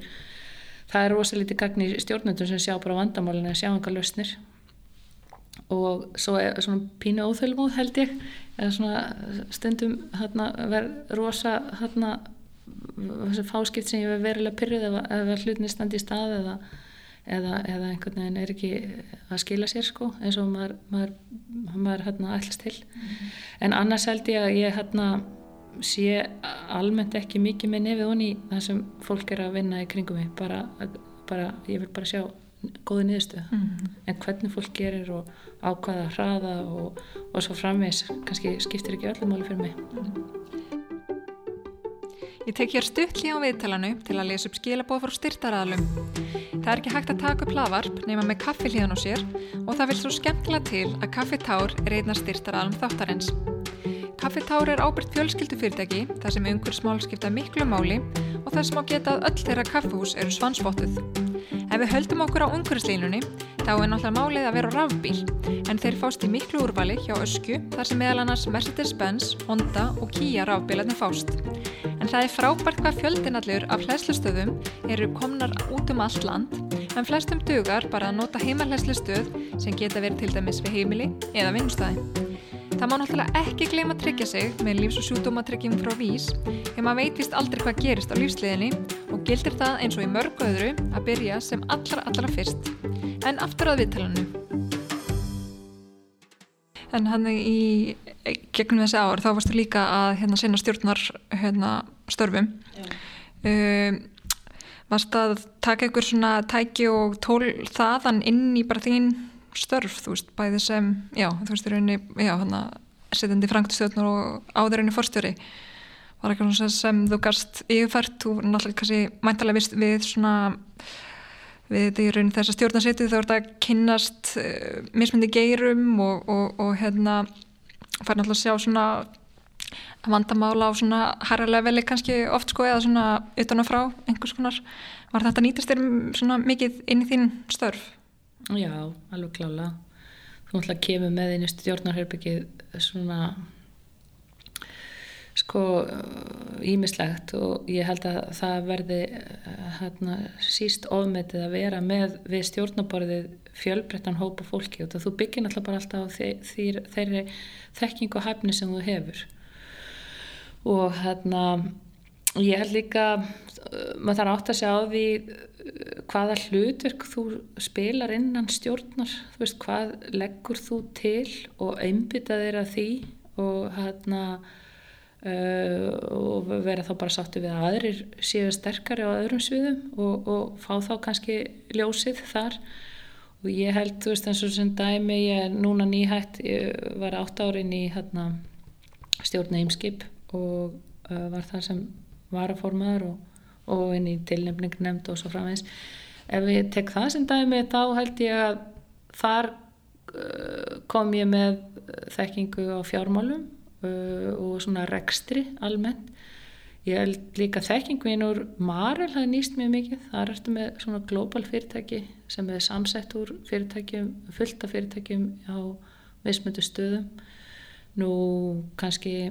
mannusmálinn og, og allt sem því fylgir það, uh, það er búið að vera að byggja upp þar uh, ferla og fleira kringum tillemningarnemnd og starfskjörnunemnd og svo framvis og ég vona mín reynsla þar hafi hjálpað til. En svo kannski hins vegar vandi sko skipa rekstur og þess aftar ég, þú veist ég hef aldrei komin allt því. Og maður bara uh, þekkja sína veiklíka líka því og auðvitað verður maður að hérna, fylgjast með og lesa og, og kynna sér málin að því marki. En þú veist hvar allar að skilja eftir því spórin og hvar allar að hérna, marka einhverja breytingar og, og svo fræðist það hlýtur náttúrulega alltaf að vera á styrkleikasviðum þar sem þú ert en að, já, klála og líka kannski annað sem að ég held að maður sé búin að tilinka sér vel það, það góður stjórnarhættir og allt í kringu það. Árin í kringum hérna inn í stefni og vorum við mjög lærdomsrík uh, og hérna uh, við þurftum alltaf að byggja upp svo mikið traust og tiltrú þar á, á fjármáli kerfið og og allt í kringum sjóðarekstur og, og svo framvegs að það, við vissum að það væri líkilinni því að, að, að búa til algjörlega óaðfinnilega stjórnarhætti og líka það, það er náttúrulega kringum fjármálafyrirtæki og svo þessi er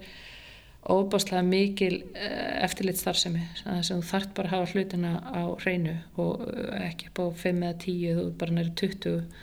en að hérna, ég held að það sé eitthvað sem maður hérna, er búin að tilenga sér og kann uh, búin að sjá svona best practices í því. Þannig að já, klála ég held að ég held að það sé mjög erfitt og ég er áleika einhverjum einhver sem hérna sem er að fara stígin í, í stjórnarherbyggi og hefur ekki stjórnarreynslu þú veist ekki farin í skráðfyrirtæki eða eftirlitskilda starfsemi. Þú veist, þið langar til að spreita þig og stjórnuböðum veldu þér annað playground út af því að mann gleima því stundum að horfa bara einhvern veginn á stjórnarsæti sem einhvers konar byllinga eða eitthvað slíkt en það er gríðarlega ábyrg sem er fólkin því að setjast í stjórn fyrirtækja og sérstaklega skráðara fyrirtækja og fjármála fyrirtækja, eftirlitskildra Þannig að það skildi enginn stíga þar inn nema algjörlega þá hreinu og vita hvað þeir eru að gera og átta sig á ábyrgin sem í því líkur sem getur bæði verið persónlega og sem án alltaf líka bara eh, sem fólkin í því að það þarf að taka réttar ákvarðinu þar. -hmm. En eins og fyrir þér, uh, hvað er góð stjórn og hvað er góður stjórnarmadur? Já, má, það er eins og stór hérna Uh, sko, góð stjórn þarna aftur eins og með stjórnar hætti góð stjórn þarf alltaf að endur spekla þarfir fyrirtækisins hverju sinni og uh, það er að taka með að hver fyrirtækið er í sínu þróskaferli er það með mótaða stjórnarhætti og, og stjórnastarfið er mjög þróskað eða þarf svolítið að búa það til og svo framvegs uh, kjur til þess ertu með startup fyrirtæki eða skráð fyrirtæki það þarf að endur spekla það. Er breytinga þörf veist, og þá, þá getur kallað á kannski alltaf einstaklinga heldur en ef að fyrirtæki sem er bara í óbáslega góðum málum og þú ert meira að viðhalda og, og svo framvegis en ég held að sko, stóra svarið við þessar stóru spurningu er, er, er svo stjórn sem hendar þörfum fyrirtækisins hverju sinni hort líka til framtíðar það með ekki vera of mikið núinu með ekki gleyma því að stjórnin er mjög mikilvæg varandi stefnumótun og að horfa til framtíðar. Þetta er ekki bara rínun í einhverjar fjármálatölur og svo framvegð sem segir allt um fortíðina. Stjórnin þarf að lifta augliti sínu fram á við og, og, og hjálpa til með að reyna að rína í framtíðina og bana veginn svolítið. Þannig að hérna, þar er kannski einmitt fólk sem hérna, er, kann að knýja fram breytingar og, og hérna getur ringt aðeins í kúluna getur orðið mikil sverði mm -hmm. Akkurat En hérna síðan ákveður að hérna söla um þig þarna, og þú ferð frá Maril til Veritas. Uh, hérna hvernig kom þessi breyting til? Jú, það sko það byrjar eiginlega með áraunum minni í lífa hilsu þá náttúrulega uh, var ég viðskiptavinnur þessar samstæði Veritas. Uh, og hérna og kynnist þá Hregvið Jónssoni sem uh, var þá fórstjóri og er í dag stjórnaformaður og, og stæðstegandi og við ættum bara mjög ánægilegt sam, samstarf hérna, þessi ár uh, tókusturindar á eins og gengur um, um kaupa kjör og, og, og svo framins eins og ég líst áður en uh, stóðum líka í, hérna, saman í ákveðni reglugera breytingu á Livjamarkanu sem var 2004 þar sem hann var þá fyrir hönd hilsala og ég smásala þannig við kynntust ákveðla þannig að þegar ég hætti að lifa hels og fer yfir til Marel þá er eitt af fyrstu símtælunum sem ég fæ var frá Hrekkvið og þarna sem að skama mig fyrir að hafa ekki látið sér vita að ég var að fara sæðilega um en beðið mig um að koma stjórn semst Veritas. Og ég er það uh, raunlega öll árin á meðan ég er í Marel. Hann ákveði síðan um, þarna 2013 eða um það leiti að að aðeins að svona skiptum takt og, og, og langaði til að, færa sig upp í, upp í stjórn og svona fara að huga að öðrum málum, fjárfestingum og svo framvegs þannig að hann fyrir að leita að eftirmann fyrir sig. Og hann býði mig starfið. Og hérna ég hérna á þeim tíma mjög ánæðin í Marel og, og hérna æðislu tími og svo framvegs en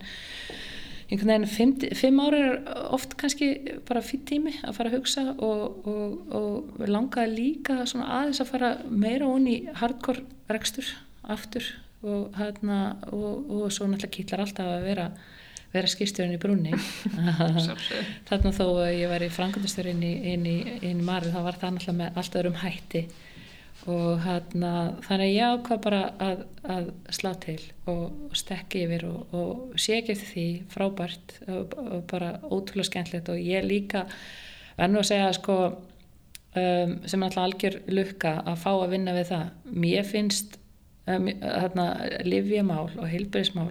alveg ótrúlega merkileg mál og, og það að vakna á mótnana og finnast maður hafa bara verk að vinna og það skiptir máli að maður standi sér vel og skilji sín hlutverki bara fyrir, sko, svo maður sínur svolítið dramatískur alveg fyrir land og þjóð og, og, og, og hafmyggju Íslandinga, það, er rosalega gæfa og mér finnast í alverðinu heilbæðismálinn vera þannig að þarna, og brenn svolítið fyrir þeim. Þannig að Uh, alltaf finnst það skemmtilega geri og, og finn mér vel í því. Þannig að það var, það, það var hérna, partur af ágrunni að fara aftur inn í þann gera. Og hérna uh, hvað er svona það fyrsta eða svona með þínum fyrstu verkum þegar þú hérna, tekur við þessu nýja starfi? Já, sko, þetta er náttúrulega alltaf svolítið öðruvísi þegar maður, ég var í stjórn félagsins búin að vera viðskiptavinu félagsins líka. Þannig að þetta er svona Um, þetta var svona svakalega djúblaug fyrir mig, kannski stökka inn í þannin, ég þekkti, þekkti uppgjör félagsins inn og út og svo framins þannig mitt svona stóra verkefni bara til að byrja með var að bara að kynast fólkinu og setja mig inn í svona innri ferla og átta mig svona á því hvað þarna, hvar ég gæti einhvern veginn lagt af mörgum fyrirtækið ákala vel rekið uh, allt í fínu standi, góðum stað, svona hvað var þar markasluteld og, og svo framvegis. Og sömuleit er, er, er flóknar og erfiðar að taka við góðu búi út af því að þá vandast nú málið að vita hvar, hvar maður getur bætt hlutina og hérna, þannig að það var, það var eiginlega svona mín fyrsta hugsun að, að, að jú, hérna, bæta því við sem að mér vantaði upp á til að skilja betur starfsemina, ferlana, struktúrin og, og svo framvegins og síðan átt að segja ok, hvað hérna, hvert er mitt litverk í þessu og út af því að ég var vantilega ekki komin bara til að viðhalda heldur líka til að, til að reyna að gera eitthvað bætum betur. Þannig að um, það sem ég sá var að uh, það var ímislegt varandi upplýsingadæknimálin sem lág ljóst fyrir að, að væri hægt að bæta og laga. Uh, það var líka ljóst að það voru ímis uh, hérna, ónýtt vakstatakifæri sem svona lág okkur nær. Þannig ég dreif í stefnumótun, uh, mikil stefnumótun bæði fyrir móðufélag, samstæðina og, og hvert fyrirtæki fyrir sig og hérna, það sem við afmörkuðum okkur svolítið hérna, hvert skal stefna og það, mér finnst stefnumótum gríðarlega mikilvæg. Ég verði að hafa eitthvað leiðaljós og, og hérna, það sem er algjörlega ljóst hvernig við höfum að halda áfram og hvernig við höfum að bæta okkur og hvernig við höfum að vaksa og svo framvegs og þetta var gríðarlega mikilvægt fyrir mig og þetta er líka svona ákveðin sáttmáli stjórnenda við eigundur og stjórn og svo framvegs hvernig þú heldur áfram og hérna við komst þeirri niðurstuðu að það er svakalega fjárfesting inn í þessu fyrirtæki fórum við ferla og struktúrs og, og svona innviðin eru óbáslega tröstir og miklir og það var ljóst að það var hægt að bæta við þá. Svona hengja utan þá miklu miklu meira magni á þess að, að tapa nokkuð tíman sína á, á, á bóltanum getur við sagt. Og það var eiginlega verkefnið að, að, ákoma að fara ekkert mjög langt Uh, svona fara kannski í bakarðin að, að, að finna tækifæri uh, sem, sem við gáttum auðvitað svona tekið on board á þess að kostnæður myndi aukast svo mikið samhliða. En það hefur verið verkefni þessi ár og, og sama tíma viðhalda uh, þessu stóra hlutverki sem hérna, félagi hefur. Ma, maður átt að alveg því að sko við flytjum inn og dreifum um 60% af lífum landsins. Og það er alveg hægt að missa söfni við því á nóttinu ef maður vil að, að, að maður hugsa ok ef að uh, eitthvað klikkar. Veist, hvar stendur maður þá? Og við tökum okkar hlutverk mjög alvarlega sem, sem við, við skilgjörnum okkur sjálf sem hluti af heilbíðskerfi landsins og ég held sjálfsagt erum við líka þannig skilgjörnd út frá lögum og reglum. En hérna og við viljum taka það hlutverk alvarlega og, og þannig að það var ekki síður líka hlutverki að að passa upp á, á öryggi í rekstri og sjá til þess að, að, að, að það hérna, klikkjaldar neitt í aðfengum og svo framvegs og það reyndi mjög verulega núna til þannig síðastlega ári í COVID og við áttum okkur alveg á okkar hlutverki þar og, og má náttúrulega hérna hafði það því miklar ágjör að hérna, reksturinn myndi einhvern veginn uh, stoppað einhver leiti út á smiti eða aðfangakefjan myndi bresta eða og svo framvegs þannig að okkur myndi einhvern tíma skort eitthvað hérna á Íslandi annarkort í formi livja eða rekstravöru eða guðum að vita hvað inn í, í heilbyrðskerfinu en hérna það gerist ekki blessunlega, þetta gekk allt saman vel og, og hérna við erum stærsti byrgir hérna, heilbyrðskerfisins á Íslandi samanlagt þessi, þessi sex fyrirtæki spila gríðastort hlutverk þannig að hérna Já, þannig að það gekk allt saman vel og það líka, það var stóra verkefni í affrandið auðvitað vil maður vaksa og dapna og svo framveg sem maður má aldrei hérna gleima því að þú ert með mjög mikla ábyrð og hlutverk nú þegar og, og það þurft að passa upp á það líka. Mm -hmm. En eins og þú komst inn á hérna stefnum á þann sko. Hvað er svona árangursrík uh, stefnum út af fyrir þér Útið, veist, maður hefur líka heyrt hellinga af hérna, sögum sko, það er hægt að gera þetta á, á hérna, marga vegu og hérna, fólk með alla hérna, gul og rauði miðana og svo hérna, það er eitthvað rosaflott skilabá frá fyrirtekinu stefnumótun og svo er þessu sín ekki fyllt eftir og annað. Er eitthvað þarna sem hefur reynst hér uh, betur en annað, bæði í stefnumótun og svo líka sem fórsturi að, að hérna, fylgja eftir og láta allt fyrirtækið fylgja eftir í rauninu þessar stefnumótun? Jú, sko, þú þart, sko, hún þarf uh, saman bæði að vera, sko, nokkuð, uh, hvað við segja, metnaða full og, og þú þarf að þóra svolítið að taka fram stóru draumana og uh, setja það síðan upp á vegg og tala um það nógu oft og mikið og heimsækja það nógu oft og og áttaði á því líka það þýr ekki að láta hugfallast þó það virkja alveg reysastórt þú tekur þetta bara eitt skrif í einu sko og, um, og þú þarfst að hugsa stefnumótunni til einhverja ára. Þú breytir ekki fyrirtæki eins og veritas á þessar starðagráðu ónætt, þú bara getur glemt því. En hann að ég held að sko stefnumótun sem að er í skuffu eða bara í huga fára hún, hún mun aldrei virka hún þarf að vera tekin upp reglulega. Þú þarf líka sagt að við að, að eins og til þessi stefnumótum sem fórum hann að það fylgta hugmyndir sem fengum hérna sem okkur finnst alveg geggjað, leiði til vakstar uh, sem að hérna uh, voða öðvöld að fá fylgta góðum hugmyndum í fundarherbygg einhverstaðar með ráðgjafa og svo framveg. Svo heimsóttu við þessar hugmyndir og þókum svolítið raunveruleika að tjekka þeim og sögumaraðum bara kólfjallu Uh, aðrar kannski hins vegar fættust líka svona í nákvæmlega það sem aðalmálega bara skilgjörna svolítið ramman og, og, og, og skilgjörna ramman segja ok, innan þessa svona fóbaltavallar ætlum við að spila og við ætlum að skora svona mörg, mörg. En skilja það bara síðan svolítið eftir í hendur á stjórnendum að finna út úr því og, og, og hérna, gefa þeim svolítið fyrir alls án taumin en minna það ofta á segja ok, hvernig gengur þetta, þú veist, ert að gefa þið tíma í þetta? Og, og í dagsins önn, það er rosa öðvelt að finna ekki fimm mínútur í svona verkefni. Þú veist, ég geti fyllt dæmin, ég geti unnið 16 tíma á dag og vera alltaf bara í daglegum rekstri og svo framvegs og ekki fundið mínúti í svona stefnumótum, þú þarft að gefa þið tíma og hérna og, og hérna, hugsa þetta bara nú ætla ég að taka hérna tvo tíma og ég ætla bara að vinna að þessu og íta þessum verkefnum áfram og svo framvegs þannig að það gerist ekki öðruvísi heldur en þú minnir það á aftur og aftur og aftur, og aftur. þetta er hérna þetta er, þú ert að koma þessu líka fyrir. Ég held að að Matrixa sem að ég hugsa oft um sem er hérna, ég held að hún sé kend við Boston Consulting Group að það er hérna, þú veist, þú skiptir verkefninu í þum sko, mikilvæg og ekki mikilvæg og svo örgjent og ekki örgjant og svona stefnumótunarverkefni falla yfirlt alltaf undir skilur mjög mikilvæg en ekki mjög örgjant og hættan alltaf svo að gleima þessum flokki sko, út af hann, veist, hann öskrar ekkit á því frá, frá mótnandi dags og svo framvegis, að þú þarfst svolítið að gefa, gefa tím og taka frá ákveði hlutfalla að vinnudeginum eða vinnuvikunni til að, til að, nýka þessum málum áfram. Akkurat. En hérna, þú ert bæði fórstöri hérna stórs fyrirtækis og er mann sitt í mörgum stjórnum og svona, hvernig hefur tíma er henn fyrir allt? Þú veist, þess að vera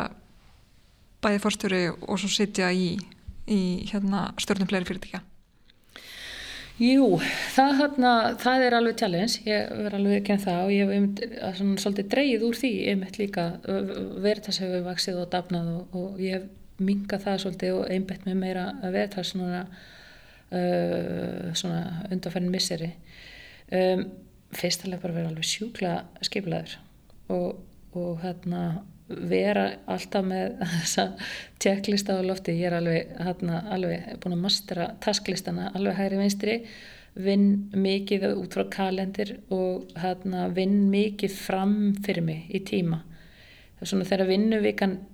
byrjar þá er ég þú veist, yfirleitt búin að ákveða svona 90% af tímanum mínum, hvernig ég heiði honum. Og þá kemur um þessum Uh, hlutum fyrir sem þú verður að koma fyrir. Þú veist, ef þú skipurleikur þig ekki hérna fram í tíman og lætu bara berast fyrir uh, veður og vindum þá kemur aldrei þessu mikilvæga en, bank, en þessu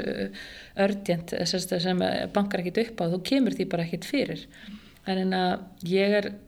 mjög mikið fyrir það að skipleika tíma minn og hérna alveg heilu vikurnar framfyrir mig og kannski þarna kemur danska eðli upp skilur að þarna ég er eins og núna sko september og hann er aldrei fullur hjá mér sko og þarna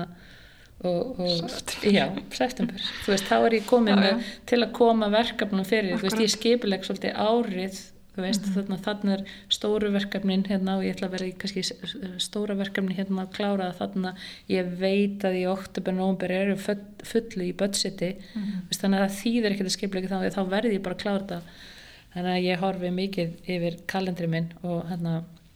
nú, og svo það maður bara að sleppa eins og maður líka bara átt svo að því að þú veist þetta sem að Uh, superwoman eða superman er ekki til. Mm. Veist, við, við bara höfum bara 24 tíma solring og þar verðum við að sofa átta. Mm. og, og þarna þannig að uh, læt líka hlutum frá mér sem að þarna ég hefði vilja kannski gera. Ég horfi til dæmis eiginlega ekkit á sjónvarp. Lungu hætti, engan tíma fyrir það. Þannig að fylgta hlutum sem að þarna maður það bara einhvern veginn að koma fyrir en, en þarna það bara út um að vil gera þetta svona sjálfur sko, mm. þetta er það sem mann finnst skemmtilegt mér finnst bara ótrúlega gaman í vinnunni og, og, og því sem að, tilherir vinnunni. Þannig að þar vil ég bara eða tímanum vinnu mm -hmm. En uh, hvað gerir þau þegar þú ert ekki vinnunni? Já. Svona út af vinnu? Uh, Bara þa þarna líka aftur þarna. Skip líka það Gólfið eða ekki? Jú, það er reynda nýtilkomi sko. Ég hann að og hérna en hef mikið náðu því og, og er mitt að berjast við sjálfa mig í því að sko að við langar alveg hríkala ná niður fórgjöfni sko en maður þarf að, svolítið mikið tíma í það. Hríkala gaman að því og hérna um, við hefum hús og jörð í borgarfyrði þar er uh, æðislegt að vera og þar myndi ég alltaf vilja hérna eða meiri tíma og alltaf gera það þegar ég er um gömul Um, og svona því tengdu við erum svolítið mikið þarna frá þarna tengist fjölskyldu mannsins míns og, og svo framvegs að svona second universe svolítið sem við eigum þar. Og dætu mínar eru mjög hrifnar að vera þarna og við þarna eigum öllum ekstra stundum um, eigum hesta. Ég er svolítið dóttir út úr því uh, reyndar uh, þarna maður minn meir í því. Golfi hefur meira tekið yfir hjá mér. Hrigilega gaman að veiða lags líka og svo spila ég bridge þannig að bara, þú veist, þetta er alveg langur listi sko, útivist, eins og, eins og allir að reymbast við að hafa meiri tíma fyrir það. Mm -hmm. og svo, svo, svo er mjög svona miðaldra kannski áhagamál sem hefur sprottið svona senustu árin að hérna, mér finnst mjög gaman að rækta. Þetta er svona næstíðan sem er eitthvað fyrirtæki að, að rækta plöntur og, og, og gróðusetja og, og komir upp gróðrúsi og svona, mjög gaman að því. Þannig að þannig að alls konar, það vantar ekki áhagamálin, maður, þú veist, einhvern tíma kemur að ef maður verið gammal, þá verður maður að hafa nóg að gera Það er rétt. En hérna, þú komst aðeins áðan inn á þetta hérna með í rauninni þessa superwoman eða í rauninni þessa ofurkonu. Hérna, og kannski ætti maður að spyrja alla kallmenn hvernig er að vara kallmæri viðskiptum, en, en, en, en, en hérna, þú færst spurningu hvernig hefur svona í gegnum tíðin að vera kona í viðskiptum, hérna finnur eitthvað sérstaklega fyrir þessu. Kannski, en alltaf er kannski ekki við hérna með þeirrum samanbyrðin en, en hérna hefur eitthvað ergist á okkar að veggi þar? Já, ofta mörgarsinnum þúsund sinnum. Og hérna mm, það breytir samt, þú veist, einhvern veginn svona yfir árin uh, við tölum ofta um það uh, sko, við vinkonar er í stóru saumaklúb sem við erum saman í viðskiptfræðinni og við erum ofta veltaði fyrir okkur út af hverju þetta kom, aldrei, bara aldrei að góma þegar við vorum í viðskiptfræðinni og veist, það einhvern veginn við hugsaðum einhvern veginn út í að við vorum held ég eitt þriðja nefndum eða eitt fjóruði kannski eitthvað svo leis allt strákar, allt strákar í viðskiptalífinu og svona við vorum bara lítið að spá í þetta. og svo fór maður bara bláður út í aðtunlífið og held bara einhvern veginn að maður er því bara metin að verlegum og, og bara survival of the fittest. Og það var nú ekki alveg svo leis og byrjaði maður að reyka sig á vekkina og, og svo framvegis. Til byrja með til dæmis var ég alls ekki fylgjandi kynjakvóta og svo framvegis. Svo skoðum breytist og það maður átti að segja á því að, að þetta er bara miklu djúbstæðara og tekur allt á langa tíma. Ég er bara enga þólum að því í þetta og við hefðum gerna vilja sjá þetta breytast á dætu mín að komast upp uh, hérna út í aðvennlífið þannig að ég er fylgjandi því í ár. Það stundum þarfstu bara að breyta hlutunum með handabli veist, þetta er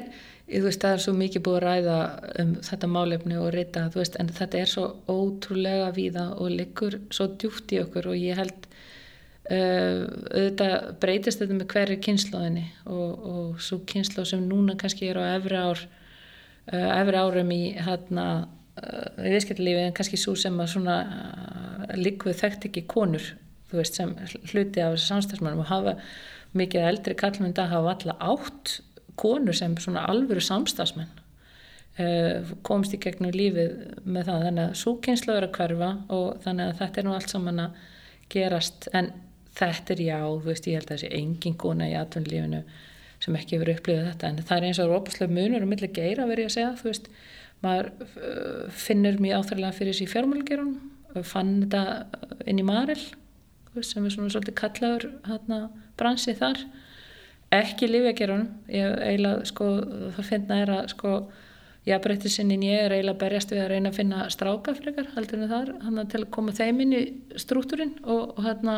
og inn í lífjaheimin og hana, það er, er erfiðar að finna stráka þar inn í, í störfældurinn stelpur og, og ef maður ætla að vera trú sjálfu sér og vil hafa balansinn þá verður maður að vinna því alveg með sama hætti eins og maður segir þið verðið bara að finna konunnar inn í inn í, í fjármálageran eimskip sem dæmi kallaður heimur og svo framvegs en sem betur fyrir held ég veist, maður að sjá þetta hreyfast allt í rétt átt og umræðan hérna uh, er orðin þroskaðri og það má setja orð á þetta óræða og óaþreifanlegra uh, óaþreifanlega sem að maður fann svo oft en við áttum ekki alveg orð yfir. Veist, þessar hrútskýringar og allt þetta svona hvernig oft talað yfir konur og, og svo framvegs þetta, við erum búin að, erum búin að gefa þessu nafn og skilgreiningu og þá búið að setja þetta fram og þannig að nú má og er hægt einhvern veginn að setja þetta fram þú veist þegar ég var að byrja það veist, þú gastit ekki, var, þetta, var, þetta var bara þungt og, og mikið. Me Too, hann að Bilgean hún breytti rosalega miklu. Hann er að Já, ég, þú veist, það er ekki hægt að segja hann að heldur að hafa fundið, hann að fundið uh, fyrir því ofta mörgursinum, en svo getur maður líka, þú veist, fundið fyrir því að fólk að það er alls konar mismunum, þú veist, sömur uh, sem ekki hafa einhvern veginn að gengi gegnum HÍ, þeir segja, ég, ég var erfitt með hann á tengslum út af því að, þú veist, á ekki þessa fortíð með fólki, fólk sem til dæmis menta sig ellendis, það hefur fundið fyrir því, þetta snýst líka bara um tengsl og, og, og svo framvegst þannig að maður ekki stundum vera að taka þetta of alvarlega, þetta hvernig að kalla dæmi sko, en samt sem áður þetta er, hérna, þetta er áþræfumlegt mm -hmm. því miður en þann daginn dag mm -hmm. en, en hérna sko í uh, gegnum allan að tíma sko og þessi mismyndastöður hvernig ertu búin að þróa þig, þú veist, áfram í starfi í rauninni bara líka, þú veist eh, eins og forstjóri, eh, það getur auðvitað oft, oft svona verið smá einmannlegt, þannig að kannski fá að í rauninni tala við svona í rauninni persónulega, sko, allan inn, innan hús um ákveði mál og svona svona hvaða leið hefur þú farið, þú veist, í að bæða svona, já, bæta við kannski þekkingustarfi og annað eða ertu búin að vera með ykkur að ráðgjafa eða mentor eða svona, hvernig hefur þau svona svona Eh, já, þróð þig áfram líka kannski sem fórstjóri Jú, það, þetta er rosalega punktur og þetta er mjög mikilvægt að fólk hafi þetta í huga talandi um hana, verkefnin sem eru mikilvæg en ekki alltaf örgjent út af því að þetta getur læðist upp að þér ef þú gerir ekkert í þessu. Og hérna uh, hvað var að mentuna þáttinn svona, hvað maður segja, formlega leðin sem ég fór, ég hérna skellti mér til hérna uh, bandaríkjana hérna tók AMP námið hjá IESE kláraði það fyrir tveimur árum. Þá fannst mér komin svona þá var ég farin að finna þörf. Verið ákveð nú þannig að þetta maður hend sér einhvern námskeið og eitthvað svona gegnum tíðina og, og fara á rástefnur og svo frá þess en ég, þarna fann ég þörf fyrir að ég þurfti að fá aðeins meira svona formlegri uh, refresh á mína mentun og það sem kallaði svolítið á mig er upplýsingateknímálin ég menna það er enginn sem er í, í business í dag sem finnur ekki áþunumlega þessa óbærslu breytingu sem er að verða öllu starfsumkörfi og ég hugsa bara ok, nú bara hrönd þar þú að gera eitthvað í þínu málum til að bara verða ekki risaðila, þú verður að átta því að því hvaða áhrif þetta hefur á business model, fólk og, og tækifæri og svo frá þess en ég hendi mér í það og það var alveg það var alveg áskorun að finna þarna, þetta er kent svona í fjórum módulum þannig að maður þurfti að finna fjóru sinn meina viku sem þú rýfur út á kalendir og, og hverfur bara í burtu og svo þurfti að lesa á undirbúði þannig að ekkert gagni svona námi þú ert ekki hérna búin að tilengaði násemna að þú mætur á staðin þetta var alveg gegja og bara næstíðan svo ít á rífrjastakka á sjálfu sér. Frábært líka, fyrir mig var gott að fara til bandaríkjanu þegar ég hérna búin að menta mig hérna heima og svo í, í hérna Danmörku og þannig að svona ameríski, ameríski vingilin var gagluðu fyrir mig mm -hmm. og fólk alls þar á heiminum Fannst þið mikið hérna mun þarna á, á ánami? Já hérna, Hvernig þá? Bara, þú veist fyrir, fyrir, fyrir fyrst að það er bara starðin þú veist, það er bara alla tölur öðruvísi og þau komum svo hrikala langt uh, hvað var það öll svona uh, hvað maður segja rítel hugsun uh, vildarkerfi veist, þú getur, þú, business model sem þú getur byggt upp á starðinu öllu bara og verið bara í líka einu hverfi í New York. Þú veist, það er bara einhvern veginn massin gerir það verkum að þú getur hugsað hlutina bara allt öðru svo bara annar kultúr og, og svo framvegs og í námi með, með mér voru hérna mikið fólki frá Suður Ameríku og svo Asíu og þar fariðu náttúrulega alltaf aðra hugsun. Þannig að þetta er það sem ég hef gert svona senst árin svona til að taka það formlega. En síðan sko það sem ég hef alltaf gert er að hérna rækta svona og gefið gefi tíma og, og, og gaum í að rækta uh, sín tengsl uh, bæði sem eiga sér góða mentora. Ég á frábara bakkjarla fólk sem ég þekkja tristi og þekkir kannski mig og mína styrkleika og vegleika sem að maður getur hringt í og sagt bara hei, ég er að velta fyrir mér hana, þessu hinnu og á þar ákveðin kvennahóp líka sem er svona bakkjarlar sem að hérna maður veit að maður getur alltaf átt samtal í trúnaði og sem nennir að fara að setja sér inn í aðstæðnar með manni og, og gefa manni góð ráð og stundum, sko, stundum líka veit maður að hlutinum að það er bara að tala upp átt og hafa einhvern sem hann að hérna nennir að hlusta og skilur sem segir stundum líka einhver sem bara sparkar rassinu manni og sem bara hætta þessari vittlisu þú veist, þú veist þetta alveg, kannt þetta alveg. Þú veist, gerir þetta bara svona, svona, svona. Og svo e, líka, náttúrulega bara fólk sem hefur annar reynslu heim og maður er bara gott að hlusta það. Það sem ég hef gert líka sem ég finnst hérna ég veit ekki hvort að það fólk hafi átt að segja á því. Ég hef þarna ég á nokkra eh, svona mér yngri aðila sem hafa leitað til mín upp á að þarna ég hafi að ég taki það hlutverk að vera mentor fyrir þau. Ég held að þau áttu þessi ekki alveg á því að ég hef grætt meira á því heldur en þau. Mm. það er rosa gaman að, að, að fá, að fá insýn inn í reynsluheim yngri stjórnenda sem í dag er að fóta sig og finna leið í atvinnlífinu og svo frá hans heyra hvernig þau eru að spreita sig málunum sem þau eru að mæta og svo frá hans og þau eru kannski það sem er, kannski þau eru að leita eftir frá mér er um, einhver svona reynslu brunnur e e eitthvað slíkt sem að þarna maður getur nú alveg farið e svona hjá sér yfir. En það sem er gaglittir því er stundum að sumera sjálfa sig upp sumera reynsluna sínu upp og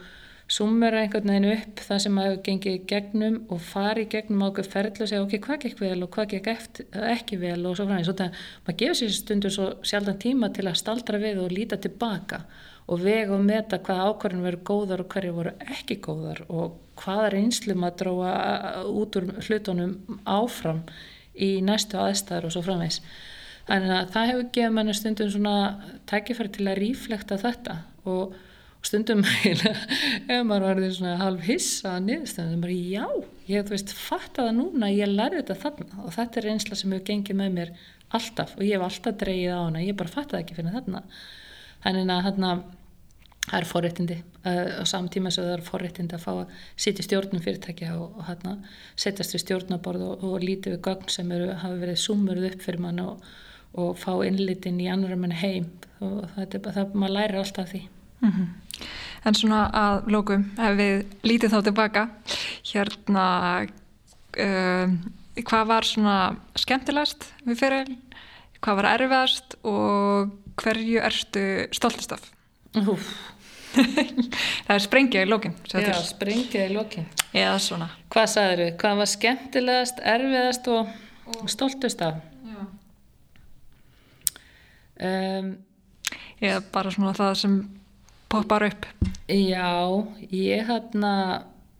það sem er skemmtilegast og kannski það sem er stoltastur af það helst ekki svolítið hendur. Já, það það er svona þegar að sko það er oft sko einhvern veginn upp, þegar uppskeran sem kemur í kjölfar erfileika eða þú veist, sem kemur í kjölfara erfiðustu verkefnum þegar maður er búin að, þú veist, setja blóðsita tár og maður nær uppskerunni og hérna sér eitthvað blómstra og, og maður svona er að salla mörkunum inn hérna stöngin inn, þú veist, þá hérna það er náttúrulega það sem er hérna ánaðastu með og það er svona nokkur móment sem maður á í því að þegar maður hvort sem það er um að ræða maður er að sjá rekstur á hérna, hérna, fyrirtæki blómstra. Þú veist stundum finnst manni sko reynilega tölurna geta sungið fyrir mann, þú veist, maður, maður veit að bak við hverja einustu tölu er fullt af aðgerðum, fullt af ráðstöðunum, stundum leiðindi erfiðar ákvarðinir og svo framvegis, en maður hefur tekið þúsund góðar ákvarðinir örugla líka nokkra slæmar. En það, þetta byrjar að sumast upp og þú sér sko reksturinn koma til þín og, og, og, og sína bara bata og ímsa vegu. En oftast er þetta samt í þarna kem ég aftur á þessu mannlega að þegar þú ert með teimi eða einstaklingi í höndunum sem að þú sérð að er að ná flugi veist og, og hérna bara fann að kunna og geta hluti og hérna já, bara einhvern veginn þú sér svona hlutinu að vaksa upp og, og þróskast og þróast það er náttúrulega æðislega gaman og hérna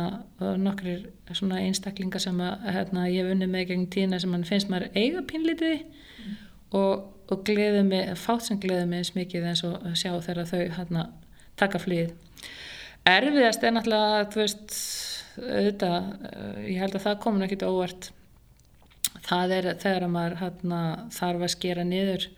rekstur og segja fólki og svo framvegs erfiðsta mómenti bara efur í því held ég þegar ég byrjaði inn í Marel að þá var bara sama það var, veist, þetta er svo æfintilegt að það var sama dag og ég byrjaði sagt, þá voruð þarna uh, rosalega breytingar á stjórnskipulagi, það kemur hérna nýr fórstjóri og uh, fólk sem ég var búin að koma hérna viku undan og taka í hendina og segja þú veist ég hlakka til að sjá þig og fara að vinna með þig og, og byrja eftir viku þú veist að byrja því að segja öllu þessu teimi upp út af það var bara tekið uppeyja í skipulagi hjá Marel. Þannig að sko höfustofu fyrirtækins eiginlega færðust bara á einni nóttu frá Íslandi yfir þarna til Hollands. Og þarna þurfti maður bara taka þátt í því og það var ekkert verið að spyrja mann um hvað mann finnist um það en það hefði enga fórsöndu til að vega að meta það maður bara þurfti að treysta því að, að yfirstjórnin að vissi hvað hann var að gera og, og svo frá eins eh, það er hins og svolítið erfitt og þetta, þetta var alveg bara hræðilegt dagur. Ég held að það fátt sem geti toppað þann dag held ég, það vona ég mun aldrei lendi þeirri aðstöð en almennt, þú veist, fór til Englands laði niður 200 manna versmiðu þar á svæði sem að veita aðtunstíði var ekki mjög gott og fullt af svona hlutum, ég held að það hljóta alltaf að vera svari því á öllum stjórnundum þegar, þú þart að þarna uh, bóða fólki slama fréttir. Mm -hmm. En svo erum alltaf hitt uh, upp á móti og það er þegar hlutinir blómstra þegar maður er búin að vera að vögva uh, Frundur og Dólstóttir bara takk kærlega fyrir komina virkilega gaman að fá þig. Takk fyrir næsta þætti spjalla ég við engan annan en mynda vonda, stopnanda og frangvöldastjóra Klangims. Ef þú vilt heyra fleiri sögur af aðdannafólki þá hveti þið til að fylgja okkur á hlaðvarpsveitunni þinni og samfélagsveilum. Ekki missa næsta þætti.